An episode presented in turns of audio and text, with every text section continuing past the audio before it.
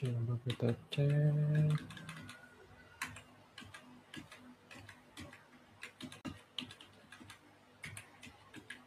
Oke, sudah live.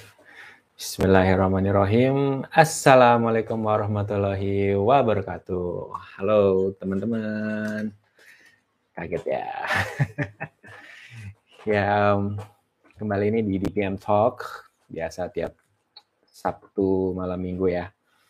Hari ini saya sendiri aja, nggak um, ada Banyu. Akhirnya dia punya kesibukan juga ya di malam minggu. nah sekarang kita ngobrol-ngobrol aja nih teman-teman. Kita ngobrol santai sambil interaksi di sini bisa tulis di kolom komentar ya. Sambil interaksi kita bisa mungkin kalau lebih mengenal saya juga karena saya di YouTube udah mulai lumayan lah lama lah ya setahun lebih dan alhamdulillah juga subscriber juga sudah 800 lebih. Terima kasih buat teman-teman semua yang sudah dukung sejauh ini dari mulai bantu subscribe, bantu share juga, ajak teman-teman yang lain buat subscribe, dan juga yang bantu like juga. Itu semuanya sangat berarti banget nih buat perkembangan channel ini. Meskipun saya bikin channel ini juga uh, nothing tulus lah ya, bahwa um, bener-bener kalau teman-teman ini kan cek bener-bener uh, ala kadarnya banget, nggak pakai editing dan lain-lain nggak ada tambahin musik-musik segala macam ala kadarnya aja gitu. Tapi memang tujuannya memang saya ingin berbagi aja apa yang ada di kepala saya sedikit pengalaman yang saya punya gitu. Dan salah satunya melalui media YouTube ini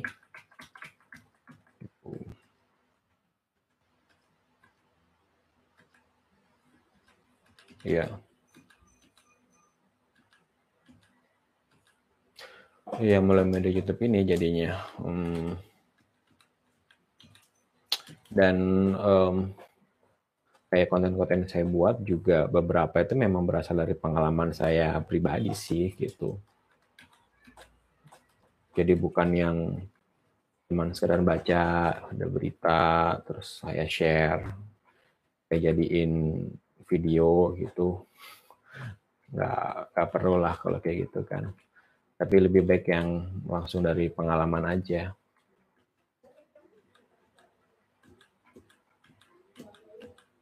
Dan um,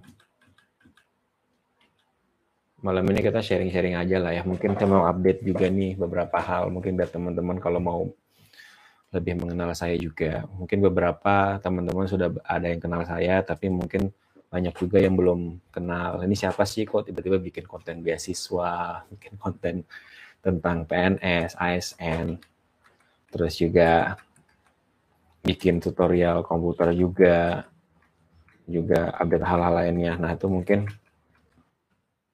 kita bisa lebih kenal lah di sesi-sesi DVM Talk ini teman-teman. Nah sesuai judulnya sih, judulnya kan House Life gitu. Sebenarnya artinya apa kabar ya, tapi kalau kita mau coba secara harfiah ya, bagaimana sih hidup? Nah itu sih maksa banget sebetulnya. Um, gimana? Kalau menurut teman-teman hidup itu gimana ya? Gitu.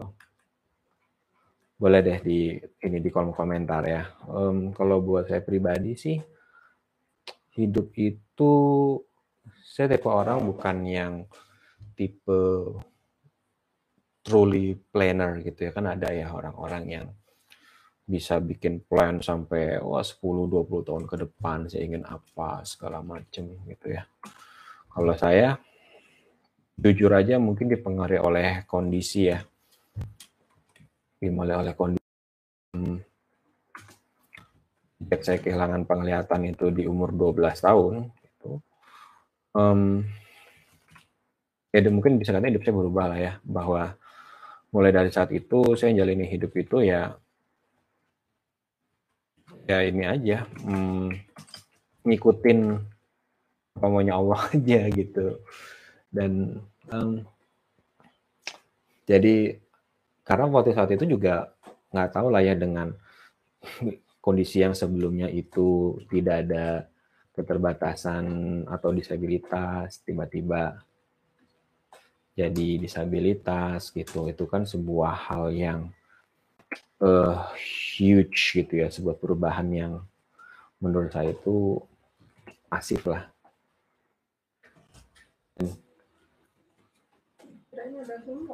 Apa nggak ada. Gitu dan itu jadi sebuah hal yang mengubah hidup saya lah ya jadinya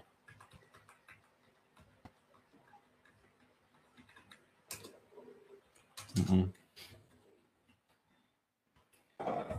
hidup saya itu jadinya dan um, sejak saat itu ya saya hidup mengikuti apa yang melakukan hal terbaik apa yang saya bisa aja gitu kayak akhirnya um, hidup atau takdir jalan Allah tuh mengembalikan saya bisa sekolah lagi setelah sempat berhenti itu. Selama setahun berhenti selama setahun. Lalu ada ketemu ke yayasan gitu dan yayasan itu yang Oh, waktu itu ya sempat anak low vision di daerah Poltangan, Pasar Minggu. Ya, dari sana yang ngasih tahu bahwa anak seperti kamu juga tetap bisa sekolah, bahkan nggak harus di sekolah khusus atau SLB gitu ya, tetap bisa sekolah umum. Dan dan itu yang buat saya jadi um, punya semangat lagi gitu bahwa oh ternyata saya juga bisa sekolah gitu. Yang dulu itu sempat hilang lah itu karena um, ya nggak ngerti lah gimana waktu itu kan informasi tentang pendidikan inklusif tentang oh ternyata disabilitas bisa sekolah lagi. Di sekolah umum itu kan nggak nggak ada gitu. Jadi nggak ada gambaran. Dan orang saya orang tua saya juga nggak ada pikiran bahwa uh, di sekolah kan kayak CLB gitu. Karena itu fokusnya adalah untuk ya berobat anak saya juga sembuh gitu.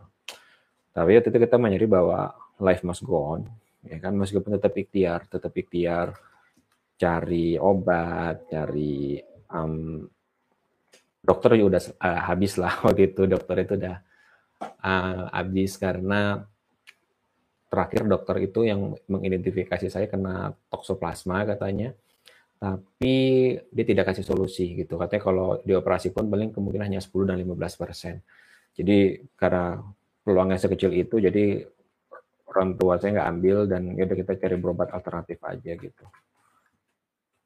Dan um, sejak saat itu ya akhirnya kita bisa saya bisa lanjut sekolah lagi di SMP SMP umum gitu ya diarahkan untuk di SMP umum SMA juga di SMA umum dan kuliah juga di um, ini ya kuliah juga di umum juga pastinya. Namanya universitas itu ada universal nggak ada lah universitas luar biasa itu kan kayaknya jadi kontradiktif ya saya SMP di SMP 226 Jakarta Selatan gitu. Mungkin kalau ada teman-teman yang nonton atau guru-guru uh, pokoknya itu tempat tempat pertama saya lah yang mengalami mengenyam pendidikan dengan kondisi yang berbeda. Kalau sebelumnya di SD itu sampai kelas 6 jauh 2 itu dengan kondisi ya baik-baik saja ya kan seperti anak pada umumnya juga pernah ya ranking juga bukan yang selalu ranking satu sih, cuman paling nggak dapatlah lima besar gitu, lumayan lah gitu. Uh, lalu juga nah mewakili sekolah juga waktu SD untuk ikut lomba juga. Nah, ketika negara itu menyerang itu, ketika penglihatan saya langsung menghilang drastis dalam waktu satu hari itu di usia yang 12 tahun itu, uh, ketika SMP itu saya mengalami pengalaman pertama tuh sekolah dengan di sekolah umum tapi dengan kondisi yang berbeda. Dan bersyukurnya apa? Bersyukurnya apa? Mungkin salah satu ada kejadian juga sih yang membuat saya tuh bisa tetap pede, nggak minder, atau mungkin nggak kepikiran ya buat minder pada saat itu ya karena mungkin masih umur 12 tahun eh 13 tahun belum banyak aneh-aneh lah dan dan kayak masih euforia lah euforia dulu setahun nggak bisa sekolah akhirnya bisa bisa sekolah lagi dan jujur uh, saya itu dari SD itu juga bisa dikatakan punya teman itu ya kalau kasih sekolah aja gitu ada teman-temannya di sekolah aja. Kalau saya anak anak rumahan suka nggak suka keluar rumah nggak suka main. Gitu. Jadi ya teman itu ya di sekolah. Jadi ketika bisa sekolah lagi itu kayak semacam wow gitulah senang banget lah bisa punya teman-teman baru lagi. Kan dan lain-lain ya. makanya seneng banget. Um, terus um, ya masuk SMP itu dan kebetulan juga SMP-nya itu juga SMP yang sebelumnya pernah menerima siswa tunanetra juga. Jadi guru-gurunya juga welcome ngerti lah gimana cara ngajar tunanetra gitu. Dan itu jadi salah satu faktor yang mendukung kepercayaan diri saya juga jadinya selama sekolah itu. Dan um, apa yang kemudian uh, membuat saya lebih percaya diri lagi itu adalah um, ternyata saya memang senang di sekolah dan bisa belajar lagi, bisa berprestasi dan dan sekolah juga memberikan apresiasi sesuai dengan apa yang saya kerjakan lah, meskipun dengan cara yang berbeda. Jadi ketika SMP itu ya saya mulai menggunakan metode-metode sebagai seorang tunanetra.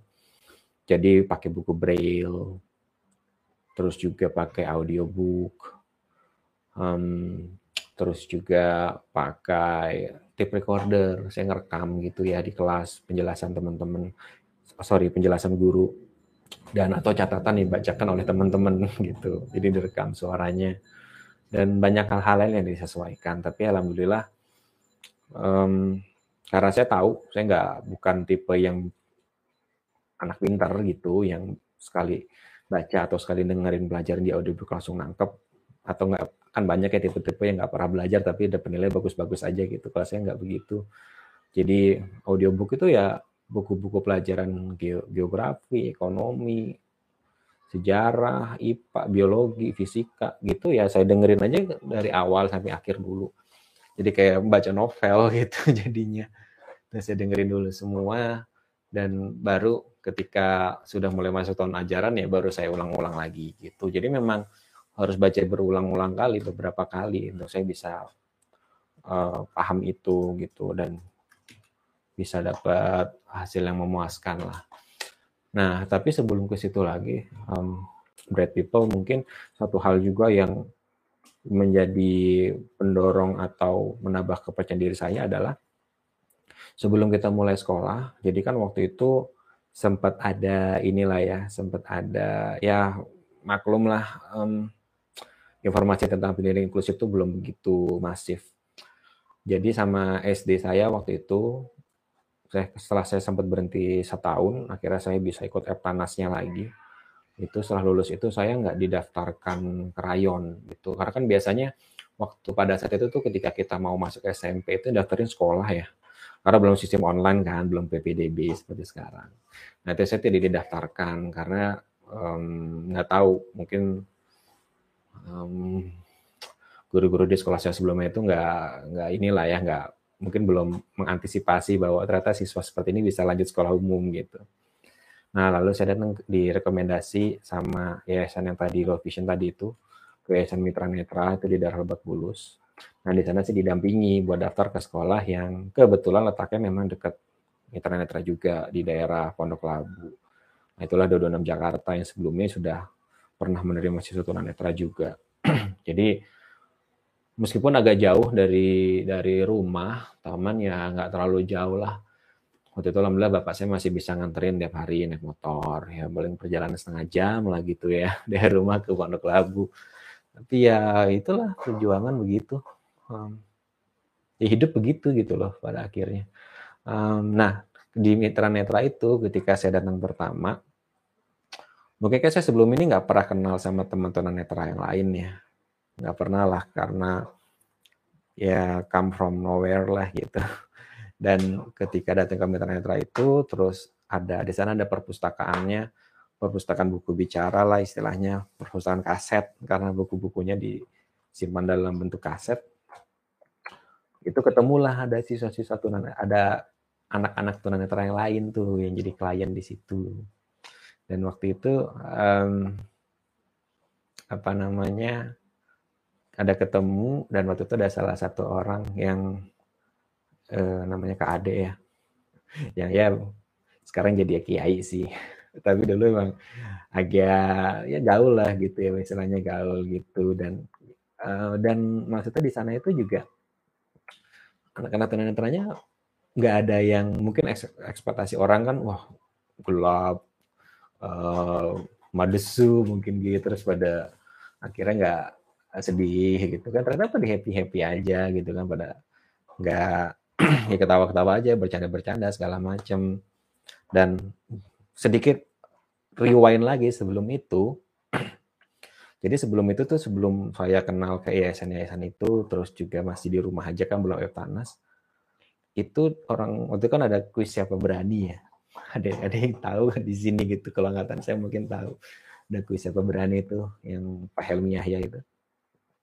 Nah, itu waktu itu kalau nggak salah momennya adalah Hari Disabilitas Internasional deh. Atau dulu istilah Hari Penyandang Cacat ya.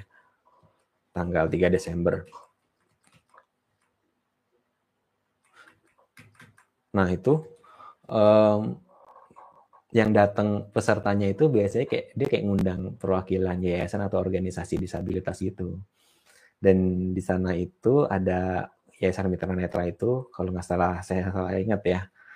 Nah, waktu itu yang maju ke bagian finalnya itu yang lima orang main babak pencet-pencetan bel gitu kan. Itu ya si Kak Ade itu dan waktu itu ketika dia memperkenalkan diri itu masih inget tuh dia bilang, "Oh, nama saya Ade dari SMA 66 Jakarta gitu. Nah, ibu saya itu langsung komen, lah itu bisa sekolah di sekolah umum gitu. Nah itu, tapi ternyata akhirnya baru tuh ketemu orangnya di pas hari pertama saya di Yayasan Mitra Netra itu gitu loh. Dan mungkin saya sadar atau enggak ya hal-hal itu yang akhirnya bisa takdir itu membawa saya ke pendidikan dulu istilahnya pendidikan terpadu ya atau terintegrasi gitu dan saya bisa sekolah lagi. Nah setelah saat itu ya um, hidup berjalan biasa aja. Gitu. Hmm, meskipun banyak orang mungkin ya kayak sinetron-sinetron lah bilang wah banyak bully segala macam gitu mungkin banyak bully segala macam tapi enggak sih saya merasa karena apa ya mungkin mungkin mungkin ada ya tapi saya nggak inget dan nggak pernah mau inget-inget sih hal-hal yang kurang-kurang baik seperti itu. Dan emang saya nggak inget apa pun kalau misalnya ada bully atau segala macam yang saya pikirkan adalah saya di sini sama seperti yang lain. Saya nggak mau merasa berbeda. I never want to feel different gitu kan to the others. Jadi ya yang bisa saya perbuat adalah yang bisa membedakan kita adalah yang mungkin prestasi kita kalau namanya di sekolah ya. Ya makanya saya belajar, saya coba kasih yang terbaik yang saya bisa. Meskipun harus berulang-ulang pakai kaset gitu kan. Namanya kaset dulu dulu masih kaset loh ya, belum MP3. Kalau sekarang sih adik-adik yang tunanetra sekarang itu udah lebih gampang kalau mau belajar itu tinggal pakai namanya Victor Reader atau apa. Jadi bisa tuh lompat-lompat per page, per bab, per paragraf gitu. Nah kalau saya nggak bisa, jadi harus side A, side B gitu kan. Kalau mau cari babnya harus cepetin, kita harus apalin oh kira-kira side ini, bab ini ada di kaset berapa ya gitu. Nah itu perjuangannya di situ gitu dan tapi alhamdulillah cukup berprestasi ya selama di SMP. Uh, waktu itu satu netranya ada tiga, seangkatan sama saya itu ada saya, terus ada Aris itu yang sama-sama kita buat kartunet itu, terus ada Irfan juga yang yang kemudian juga gabung di kartunet juga dan sekarang uh, jadi guru tuh di salah satu man di Jawa Barat ya. Nah itu um, kita cukup bisa kata cukup berprestasi lah gitu ya kita 10 besar. Saya juga sering masuk tiga besar juga selama tiga tahun itu dan pernah sekali uh, dapat juara umum juga pas saya kelas satu itu jadi nilai saya tertinggi se sekolah gitu kan. Dan itu um, buat saya apa ya ketika ya saya nggak pernah nanya saya nggak pernah tahu sih orang tua saya responnya itu gimana ya. Cuman uh, pas tahu apa tuh si tahun tahun pertama saya itu ketika waktu itu masih cawu kalau nggak salah. Eh cawu udah semester ya? Kelas satu kalau nggak salah masih cawu deh. Baru kelas 2 itu berubah jadi semester. Ya terus bapak saya pulang eh, kan ambil rapot ya pulang sambil ada bawa kado isi buku. Ya biasa lah zaman segitu isi cuma buku-buku aja buku tulis. Pada saya nggak pakai buku tulis ya terus ya kasih tahu kalau juara umum gitu ya seneng aja gitu ya kalau orang orang tua saya biasa seneng juga gitu. Jadi ya selama ini kayak nganterin pagi-pagi, jemput, sore-sore, kadang-kadang kalau misalnya bapak saya itu lagi lembur atau gimana ya saya nungguin di sekolah tuh sampai malam gitu kan. Waktu itu belum belum ada ojek online gitu, jadi ya seneng lah kalau misalnya juga orang tuanya bisa um, bangga gitu. Atau ketika misalnya guru guru-guru mengapresiasi gitu. Dan pastinya itu semua itu saya nggak akan bisa capai kalau tidak ada di sekolah yang memang guru-gurunya itu support. Itu tapi saya tahu sih maksudnya saya punya prinsip gini bahwa di sekolah mana pun tuh guru-guru juga pasti akan support. Tinggal bagaimana kita sebagai siswa itu bisa mengantisipasinya ya. Maksudnya gini guru itu kan senang ketika bukan guru males ya tapi guru itu senang ketika siswa itu proaktif. Seperti misalnya hari ini mau belajar bab bab 10 tapi siswa ini udah pada baca semua. Jadi di kelas itu nanti tinggal tanya jawab, tinggal diskusi. Itu bukan karena gurunya malas tapi seneng gitu loh. Saya juga karena sebagai pengajar juga ngajar komputer meskipun bukan ngajar di sekolah. Tapi saya pribadi juga seneng kalau misalnya siswa-siswa itu proaktif gitu dan saya salah satu yang begitu gitu. Bahkan ketika belajar komputer ya, belajar komputer khusus komputer di yayasan itu guru komputer saya itu yang menurut orang-orang atau teman-teman lain itu dibilang kata killer lah, galak lah. Tapi saya nggak pernah menangkap hal itu gitu loh, karena ya kayaknya asik-asik aja gitu ya. Beliau tuh pinter dan dan harus diakui bahwa yang kayak semacam maha guru lah buat teman-teman kalau sekarang dapat teman-teman tunanetra yang ngajar-ngajarin komputer itu ya kebanyakan ilmunya dari beliau itulah dan dan saya nggak merasa beliau itu galak atau segala macam tapi malah malah enak gitu loh. Karena karena memang ketika belum hari kursus itu saya udah bisa kata udah baca semua isi bukunya gitu udah baca udah baca isi isinya jadi ketika dalam uh, proses belajar itu nggak nyebelin gitu loh. Bukan berarti saya pinter ya enggak kalau pinter itu kan dia belum baca tapi dia bisa. Dan biasanya nggak sih kan baca dulu gitu.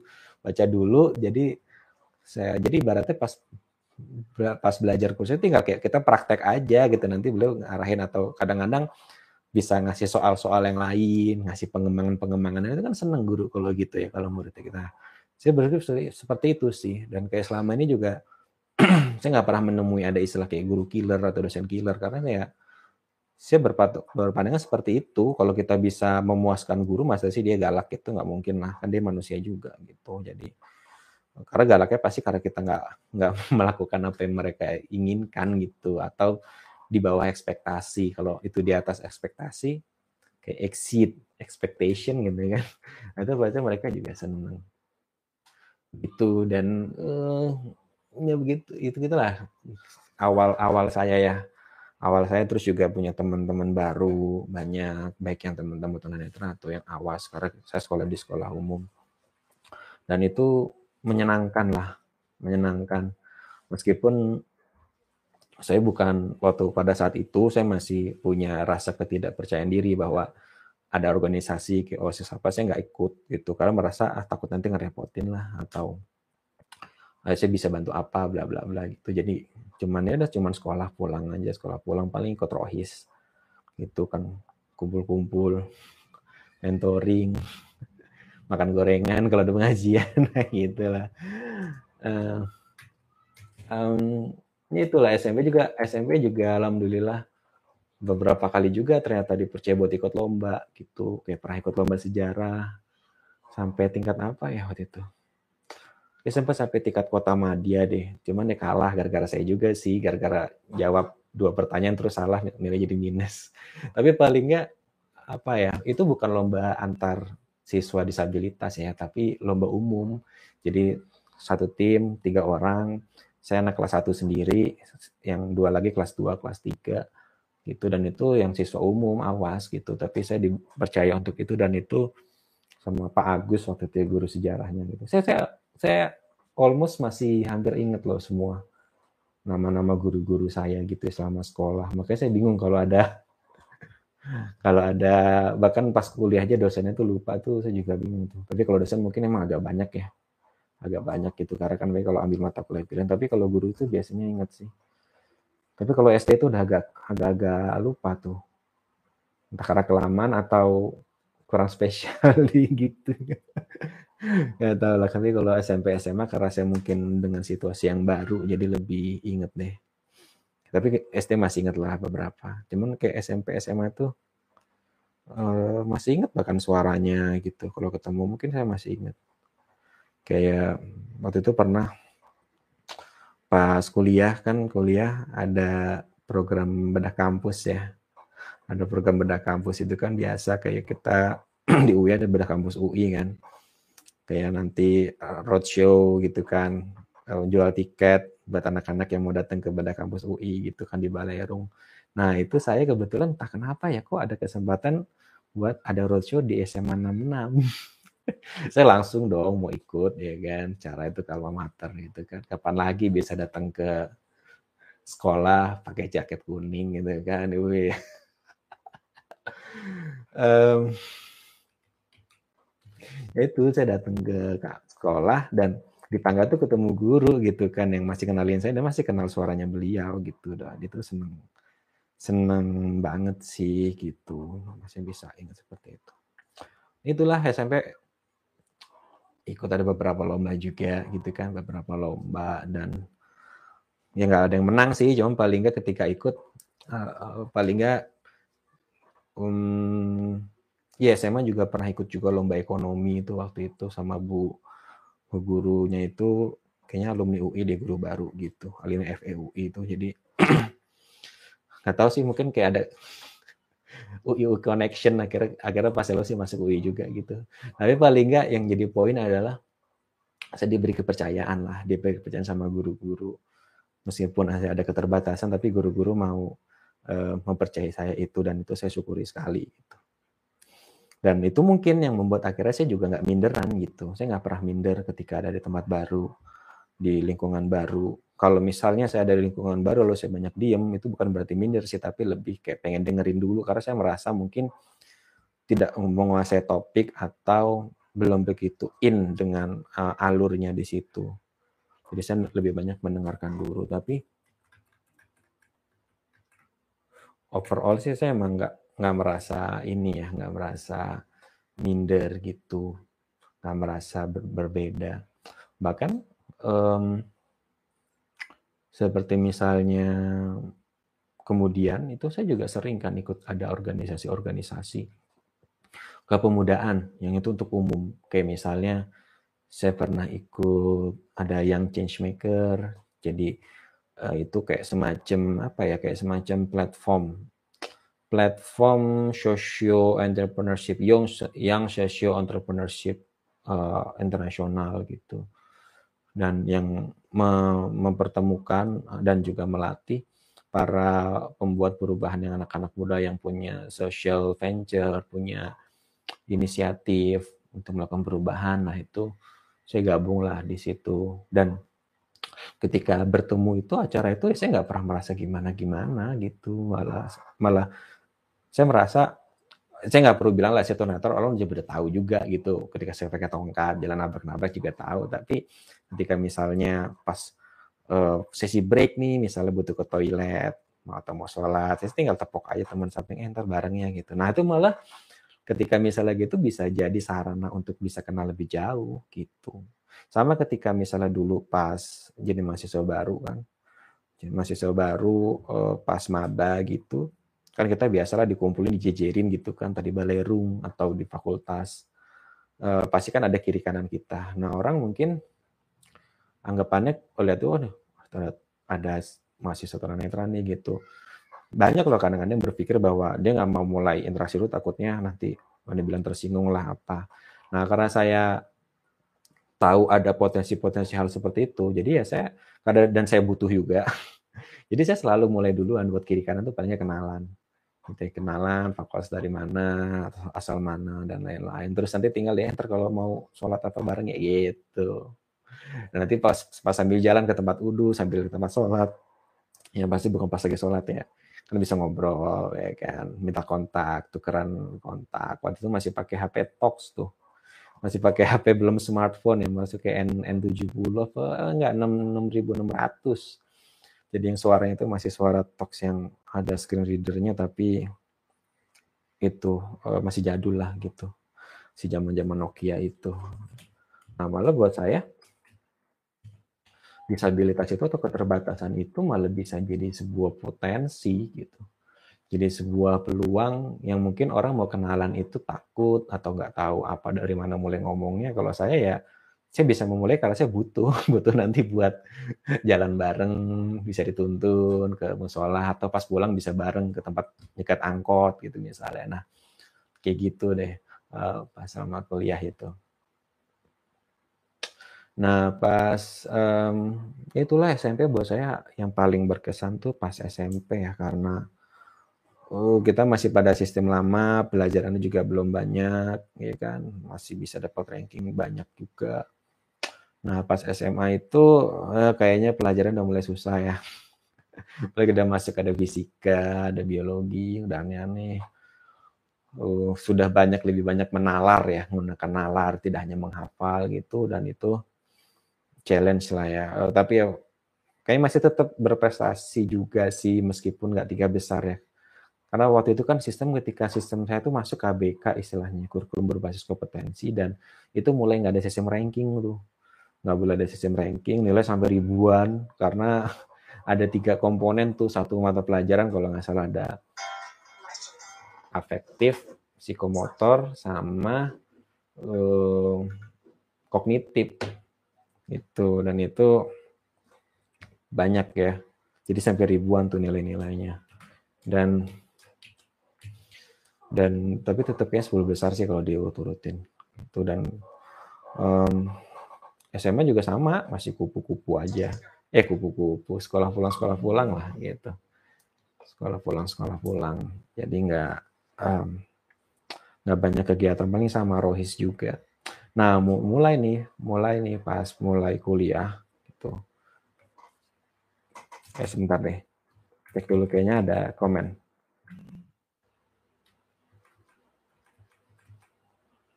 Oh ada Siwi nih. Halo Siwi, apa kabar nih?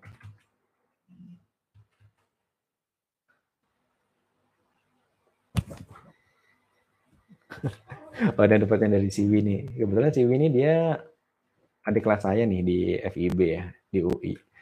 Gitu, jurusan sastra Jepang. Nah, Siwi nanya nih. Bentar, bentar.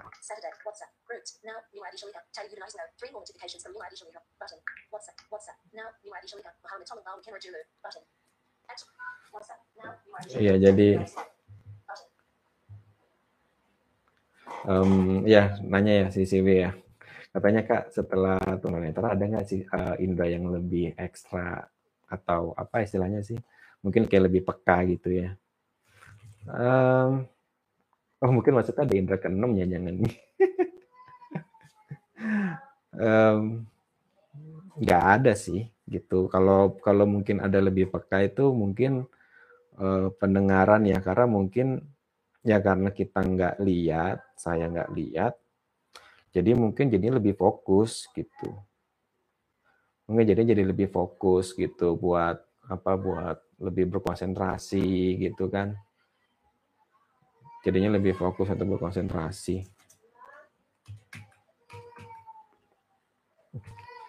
Wah ini bentar.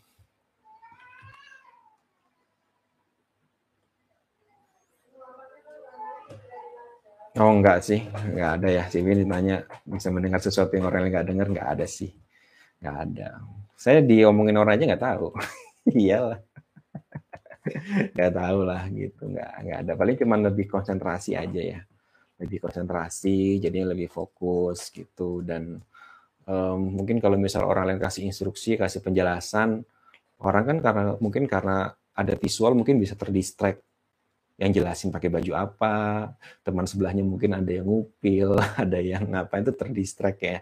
Tapi kalau karena saya nggak nggak lihat hal-hal itu, jadi fokus dengerin aja, jadi mungkin bisa lebih konsentrasi. Itu yang orang lain salah tangkap, orang lain orang lain itu menangkapnya itu adalah oh tunanetra tuh punya ingatannya kuat segala macam. Menurut saya sih enggak ya. Tapi kalau lebih konsentrasi, ya itu bisa jadi lebih konsentrasi. Tapi kalau pasti memori dari hafalnya kuat itu belum tentu. Itu hmm, harus uh, banyak ini latihan pastinya. Kayak teman-teman mungkin ada yang hafiz itu ya pasti itu karena latihan yang luar biasa juga gitu. Dan dia bisa berkonsentrasi lebih berkonsentrasi keuntungannya. Gitu sih.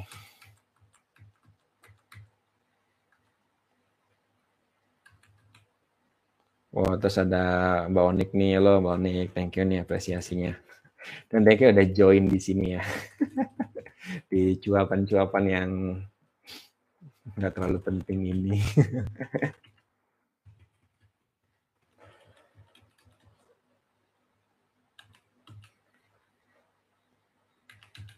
Iya sih, nggak ada sih extra sensory gitu nggak ada gitu. Jadi um, biasa aja gitu, biasa aja, nggak nggak ada yang itu. Indra ke 6, 7, 8, 9, atau 10 nggak ada sih. gitu deh. Nah, terus lanjut lagi deh, lanjut lagi. Ini seru nih. Wah, ada empat orang yang nonton loh. Luar biasa. Ternyata ada yang mau nonton juga. Makasih loh yang udah nonton, apalagi kalau bantu share, ya kan, bantu share, terus juga udah subscribe juga, makasih banget dukungannya di channel ini. Ya saya nggak bisa kasih um, editing yang luar biasa, tapi mudah-mudahan apa yang saya share informasinya bisa bermanfaat lah buat uh, sebagian teman-teman gitu. Subscriber juga cuma gitu-gitu aja, dikit nggak banyak lah, nggak kayak teman-teman lain sampai udah kakaan gitu kan ini masih ya dikit lah ya teman-teman. Tapi nggak apa-apa, saya senang bisa sharing. Nah, terus lanjut nih ke pas kuliah, itu ada satu hal juga yang berbeda sih. Jadi gini, um, dulu saya mungkin nggak terlalu menyadari ya bahwa seperti pengalaman organisasi itu penting banget untuk pengembangan karir kita ke depan. Jadi ya sama, karena saya tadi masih merasa bahwa saya nggak pas masuk itu kayak kayak merasa nggak apa ya namanya nggak terlalu um, worth it lah atau nggak ada yang bisa dikontribusikan gitu jadinya ya apa yang saya lakukannya masih kuliah pulang kuliah pulang aja tuh pasti tahun pertama nah baru di eh bukan tahun pertama ya iya eh, benar tahun pertama nah lalu pada saat itu saya kenal ada salah satu senior saya. Beliau uh, beda jurusan, saya kan sastra Inggris di UI. Beliau itu di uh, sejarah. Nah, karena dia tahu, kayak kita sering ngobrol-ngobrol ya, dia sering, kayaknya salah satu orang yang mungkin sering, kalau ketemu di mana? Gitu kan, misalnya ketemu di, waktu itu ada payung-payung tempat wifi gitu lah, kayak kanopi-kanopi sering nongkrong di situ, terus mungkin sering, beliau juga sering nongkrong di situ juga, uh, buat nyari wifi gratis kan wifi di kampus terus kalau misalnya ke mana saya misalnya minta anterin misalnya bareng entah ke musola atau ke kelas gitu. Nah itu hmm, dia tahu lah kalau saya tuh bisa bikin website gitu. Jadi kan kita saya kan sama teman-teman tuh udah bikin kartunet itu dari 2006 ya. Jadi saya masuk kuliah 2007 ya situlah bahwa saya udah punya pengalaman bikin website. Nah beliau itu pas uh, tahun tahun 2009 berarti ya semester berapa? Empat ya. Nah sebelum itu sebelum itu tuh sempat kayak sama-sama ada di bursa ketua bem fakultas gitu tapi nggak menang tapi nggak menang uh, tapi kayaknya saya jadi itu deh Wih, jadi tim sukses, eh, nggak tim sukses sih, cuman ikut dukung-dukung gitu aja. Cuman ikut-ikut dukung gitu. Nah, terus tapi dia agak tetap gabung di dalam ke pengurusan BEM gitu ya. Jadi kalau misalnya kayak sekarang orang orang-orang pada aneh gitu kan, ada Pak Jokowi Pak Prabowo bersaing terus um, pas ada salah satu yang menang lalu yang kalah di rekrut ke dalam kabinetnya itu kayaknya lupa itu pas dulu kuliah gimana. Pas kuliah soalnya biasa kayak gitu ya. Dua kandidat ada yang kalah terus yang kalah ikut bantu juga. Karena memang tujuannya kan sama satu gitu buat buat hmm, memberikan program yang terbaik lah buat teman-teman mahasiswanya juga gitu. Jadi nggak masalah. Nah beliau masuk jadi salah satu para departemen di situ. Departemen ya kayak departemen keilmuan lah kajian budaya waktu itu namanya karena sesuai dengan fakultas nah terus um, ngajak saya lah bilang, eh di mana gabung ya di BEM gitu di departemen saya gitu. Tuh, saya kan belum pernah ikut organisasi ya, kayak belum pernah ikut STMP, SMA nggak pernah ikut OSIS gitu kan, jadi belum pernah pengalaman. Terus saya tanya, mas saya bisa bantu apa kak gitu kan. ini aja kamu kan bisa bikin website nih nanti kita bikinlah website buat departemen kita. Nanti hasil-hasil kajian kita hasil diskusi diupload ke website gitu. Jadi BEM-nya aja belum punya uh, website kita udah punya duluan nih gitu kan. Nah waktu itu saya kan merasa oke okay lah gitu boleh gitu karena menarik. Nah ternyata setelah masuk ke BEM setelah masuk ke badan eksekutif mahasiswa itu bukan band ya yang salah dengar lah ya. Saya nggak bisa main musik soalnya. Nah, itu pas masuk ke BEM itu um, ternyata menarik gitu loh. Ternyata di sana saya nggak cuma ngerjain website, tapi namanya BEM itu kan ada departemen atau divisi lah. Kalau di kampus lain mungkin istilahnya kementerian lah. Kan di sana istilahnya Presma yang presiden mahasiswa kayak di TB atau di UGM ya kalau nggak salah. Kalau di UI itu kan ketua BEM. Bawahnya ada departemen-departemen. Nah, di tiap departemen kan stafnya ada banyak bisa kayak ada 10 orang berapa. Nah, tiap departemen itu punya proker, punya program kerja. Nah, program kerja itu banyak dan itu pasti harus dibagi-bagi ke semua staff. Siapa yang jadi PO-nya, project officer, siapa yang bantuin. Tapi kita pastinya dalam satu departemen atau mungkin bisa jadi ke departemen lain tuh biasanya bantu jadi staff meskipun tidak jadi PO-nya di situ tapi PO-nya atau project officer tetap hmm, yang ada di staff di departemen itu. Nah, setelah tahu gitu ternyata menarik banyak program-program yang ini gitu dan saya pernah bantu kayak misalnya jadi ya berawal karena saya bisa bikin website terus lebih dekat dengan internet sosial media bantulah di HPD Humas dan Publikasi. Jadi kalau ada acara saya bantu buat publish eventnya gitu kan buat publish event menyebar nyebarin. Terus waktu itu kan belum begitu marak ya sosial media di tahun 2008 2009 itu kan. Mm-mm, belum begitu marak lah. Kayak Obama aja kan juga baru-baru pakai tuh gitu. Mesti masih zaman BlackBerry ya kan. Tapi kan kayak Facebook itu belum begitu marak. Tapi ternyata setelah event itu saya publish, banyak tuh misalnya kita bikin seminar, banyak yang datang dari kampus-kampus lain gitu. Karena itu diapresiasi, berarti kan itu hasil dari publikasi kita kan gitu. Kenapa dia bisa tahu? Karena dulu kan publikasi itu biasanya kalau acara nih pasti ada selalu ada buat anggaran alokasi anggaran buat ini buat publikasi itu pasti kita bikin banner. Bikin baliho gede itu dipasang di tiang-tiang yang di seberangnya stasiun UI itu di situ yang tempat-tempat anak-anak pada nyebrang. Nah itu pasti harus ada baliho tuh gitu. Karena dulu publikasi satu-satunya paling efektif yaitu di mana orang kebanyakan seluruh lihat lah gitu acaranya. Nah sekarang kan udah modelnya ya pakai sosial media kan. Nah dulu itu belum begitu masif dan kalau kita publikasi di situ lumayan banyak yang datang bahkan dari kampus-kampus lain.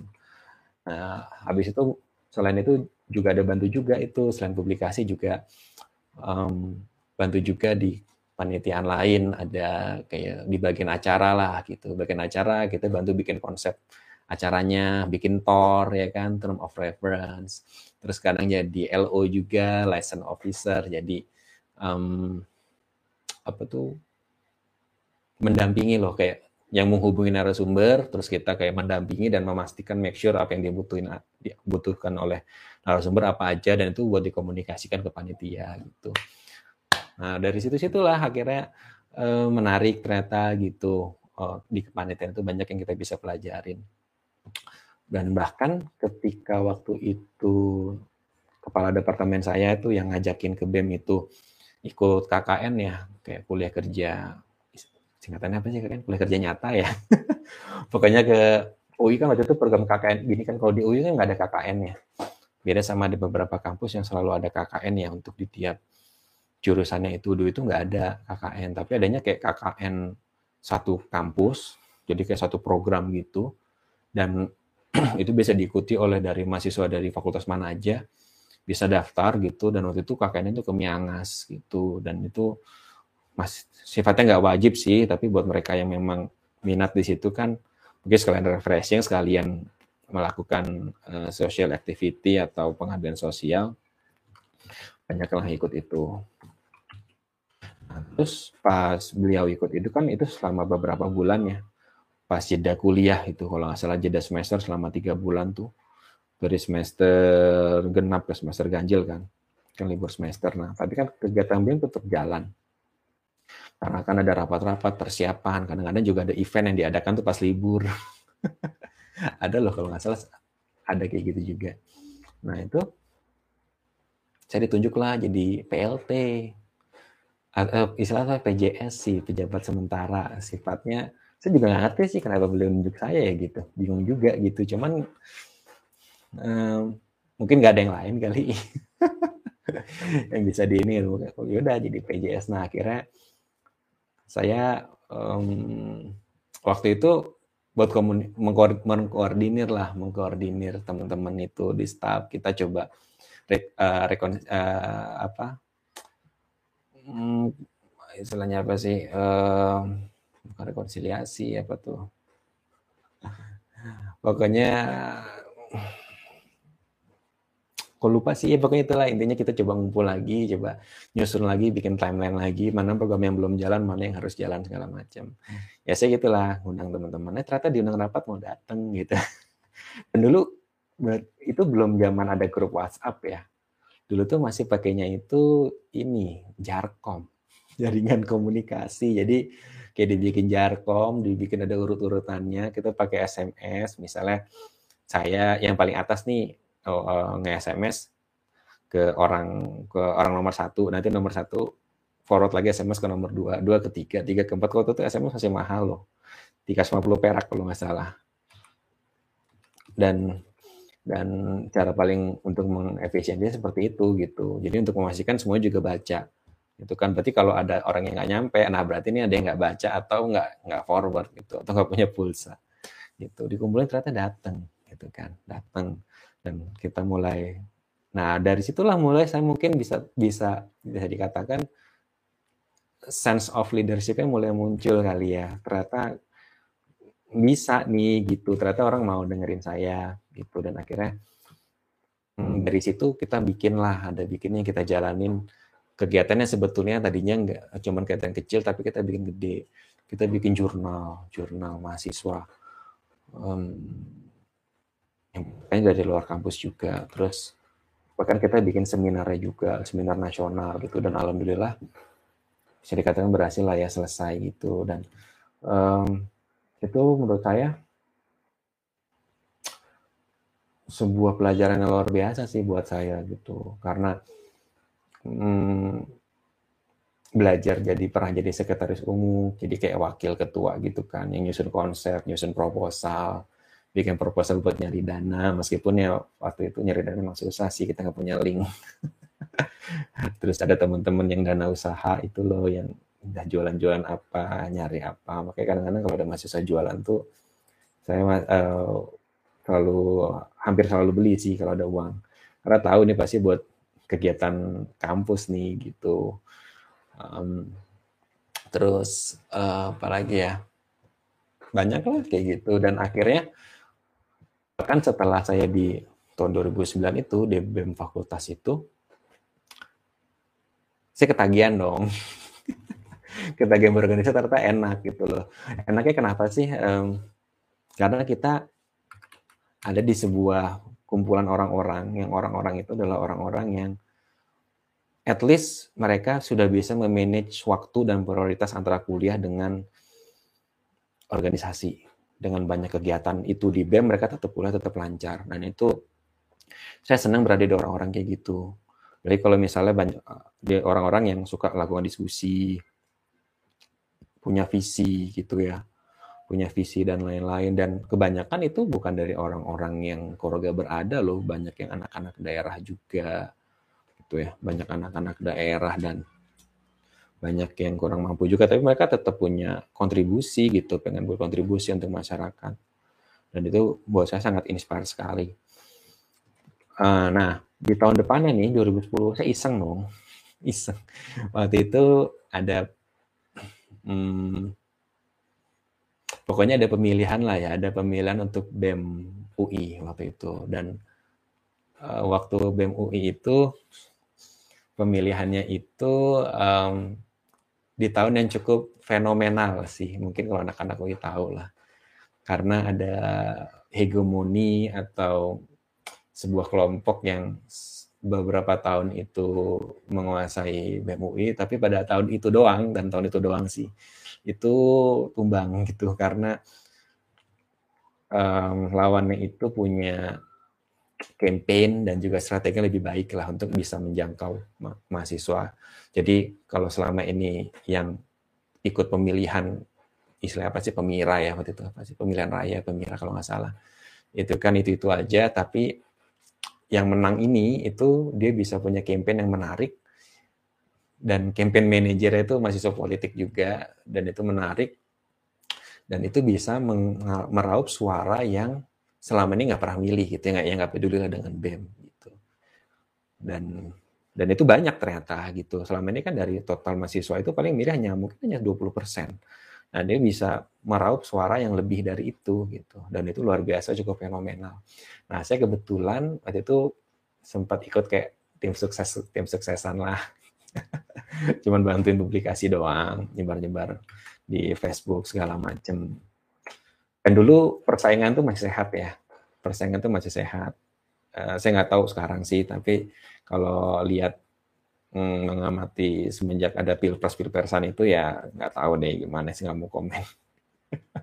tapi yang jelas dulu tuh masih sehat sekali dan kebetulan calon yang saya dukung itu uh, kalah kan. Nah tapi saya kan karena memang visinya itu ikut itu karena ingin belajar ya, nggak dan dulu kan juga masalah kubu-kubuan itu nggak bukan sesuatu yang inilah meruncing ya atau terekskalasi keluar.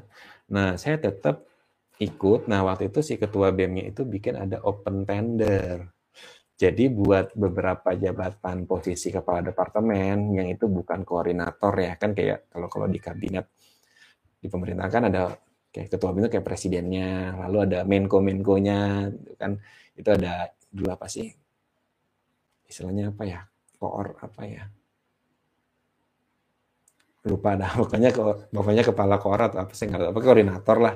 Koordinator bidang apa yang yang membawahi beberapa departemen. Nah itu untuk kepala departemennya itu kayak semacam dilelang lah. Jadi siapa pun yang mau bisa kayak ngirim visi misi terus rencana program ke depan apa aja segala macam. Nah waktu itu saya ikut lah iseng banget kan siapa gue gitu kan.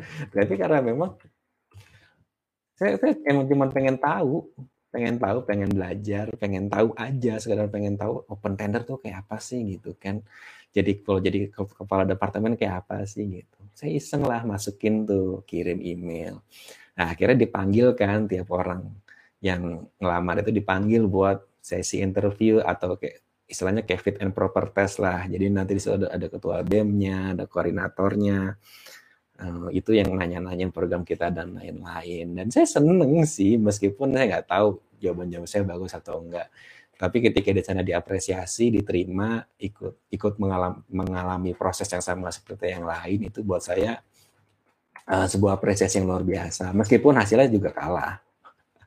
hasilnya juga kalah gitu, ya nggak masalah gitu kan. Nah tapi itu salah satu strategi saya sih bahwa um, kalau misalnya saya karena ikut saya ikut open tender jadi sama um, kompetitor saya yang sama-sama melamar jabatan ketua departemen yang sama itu yang dia terpilih dia itu bakal ngerekrut hmm, ini ngerekrut saingan-saingan dia buat gabung di dalam. Karena kan karena kan sederhananya gini ya karena oh berarti yang ikut open tender ini kan udah tahu banget udah tahu banget tentang departemen ini kan ke depannya pengen bikin apa atau mungkin ada program yang bagus yang di dia nggak ada tapi ada di kandidat yang lain yang itu bisa diadopsi untuk uh, ke depan gitu. Nah saya termasuk salah satu yang di approach buat gabung ya saya langsung gabung lah mau banget lah karena kan emang tujuan pengen belajar. Dan itu jadi sebuah strategi juga. Mungkin kalau saya nggak ikut open tender, saya masih harus ikut open recruitment anggota BEM yang panjang itu. Tapi karena itu saya di, jadinya di close recruitment langsung masuk gitu loh. Nah terus um, di dalam itu ya banyak lah akhirnya. Karena saya pernah ikut open tender juga jadinya saya dipercaya itu buat jadi project officer jadi project officer salah satu program yang itu memang yang saya pernah kerjakan juga waktu di fakultas yang tadi yang bikin jurnal mahasiswa dan juga seminar uh, nasional itu. Dan ada workshop penulisan ilmiah juga. Dan itu um, jadi project officer loh. Jadi saya jadi project officer kayak ketua panitia yang itu staff-staff saya adalah mahasiswa lintas fakultas. Dan itu orang awas semua ya karena saya kan tunanetra cuma sendirian di situ gitu. Um, dan alhamdulillah juga mereka mau dengerin saya mau mau ikut kalau saya ajakin rapat sampai malam sampai sore sambil uh, nongkrong makan mie ayam mie ayam sengketa tuh kita manggilnya. Di UI itu ada mie ayam sengketa tuh ada mie ayam yang letaknya tuh di antara kampus FISIP sama FIB jadi anak FIB nyebutnya ini mie ayam FISIP anak FISIP nyebutnya ayam FIB jadi lu luar biasa ya itunya uh, sharing ekonominya. Nah gitu um, ya jadi pernah jadi project officer dan saya jalanin program itu dan waktu itu kenapa ya saya nggak pernah ada pikiran bahwa eh saya kan tunanetra masih bisa? Kayak nggak ada sih karena mungkin staff-staff saya atau rekan-rekan saya juga support juga dan nggak pernah mempersalah mempermasalahkan itu di depan saya ya. Gitu. Kan selama saya bisa mengkoordinasi ngecek progres lalu ngasih solusi atau sama-sama kita ajakin brainstorming kalau ada kendala apa gitu.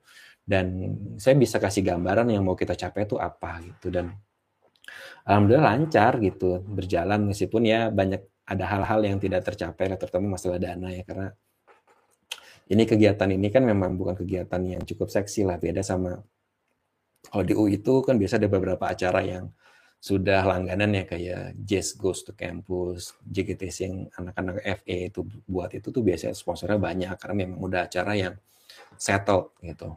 Tapi kalau kegiatan ilmiah, kegiatan ini kan nggak terlalu seksi ya. gitu. Tapi alhamdulillah nggak apa-apa banyak pelajaran yang saya ambil sih dan dapat teman-teman baru, dapat teman-teman lintas fakultas. Terus juga dari situ kita bisa roadshow tuh, karena kan kita mm, sosialisasi ada program bikin jurnal kan kita ngajak teman-teman fakultas lain. Jadi roadshow itu ke semua fakultas. Yang saya belum sempat datang tuh dulu ke FS, eh sorry ke F, F FK sama FKG karena waktu itu masih di Salemba ya dan nggak tahu sih kenapa nggak ikut mungkin karena ada satu hal sih kali ya lupa juga kenapa nggak ikut ke sana kalau fakultas di semua UI udah pernah datang untuk keluar ruang ruangan-ruangan BEM-nya gitu dan um, dan pengalaman selama kuliah itu buat saya luar biasa banget sih gitu ya. Dan itu banyak mengubah mengubah hidup saya lah. Sampai akhirnya bisa kayak uh, sampai sekarang ini. Meskipun sekarang ini ketika sudah bekerja, sudah ini saya merasakan entah kayak ada penurunan atau mungkin kondisi yang berbeda ya. Situasi yang berbeda tapi ya tetap uh, jiwa untuk leadership untuk um, membuat perubahan itu tetap ada sih gitu. Itu selama ini saya syukuri sih sebetulnya. Itu aja teman-teman yang saya mau sharing. Uh, makasih banyak nih yang udah join ya. Um, yang ngasih komentar juga. Thank you banget nih udah mau dengerin jawab-jawaban saya.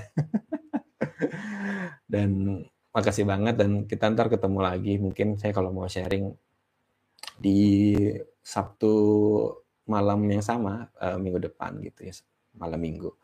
Kita nanti ngobrol-ngobrol lagi untuk hal-hal lain.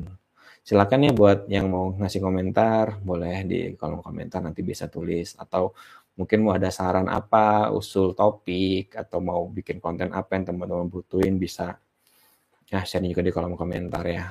Oke okay, thanks for watching makasih yang udah subscribe yang udah bantu share dan like. Sampai ketemu lagi and see ya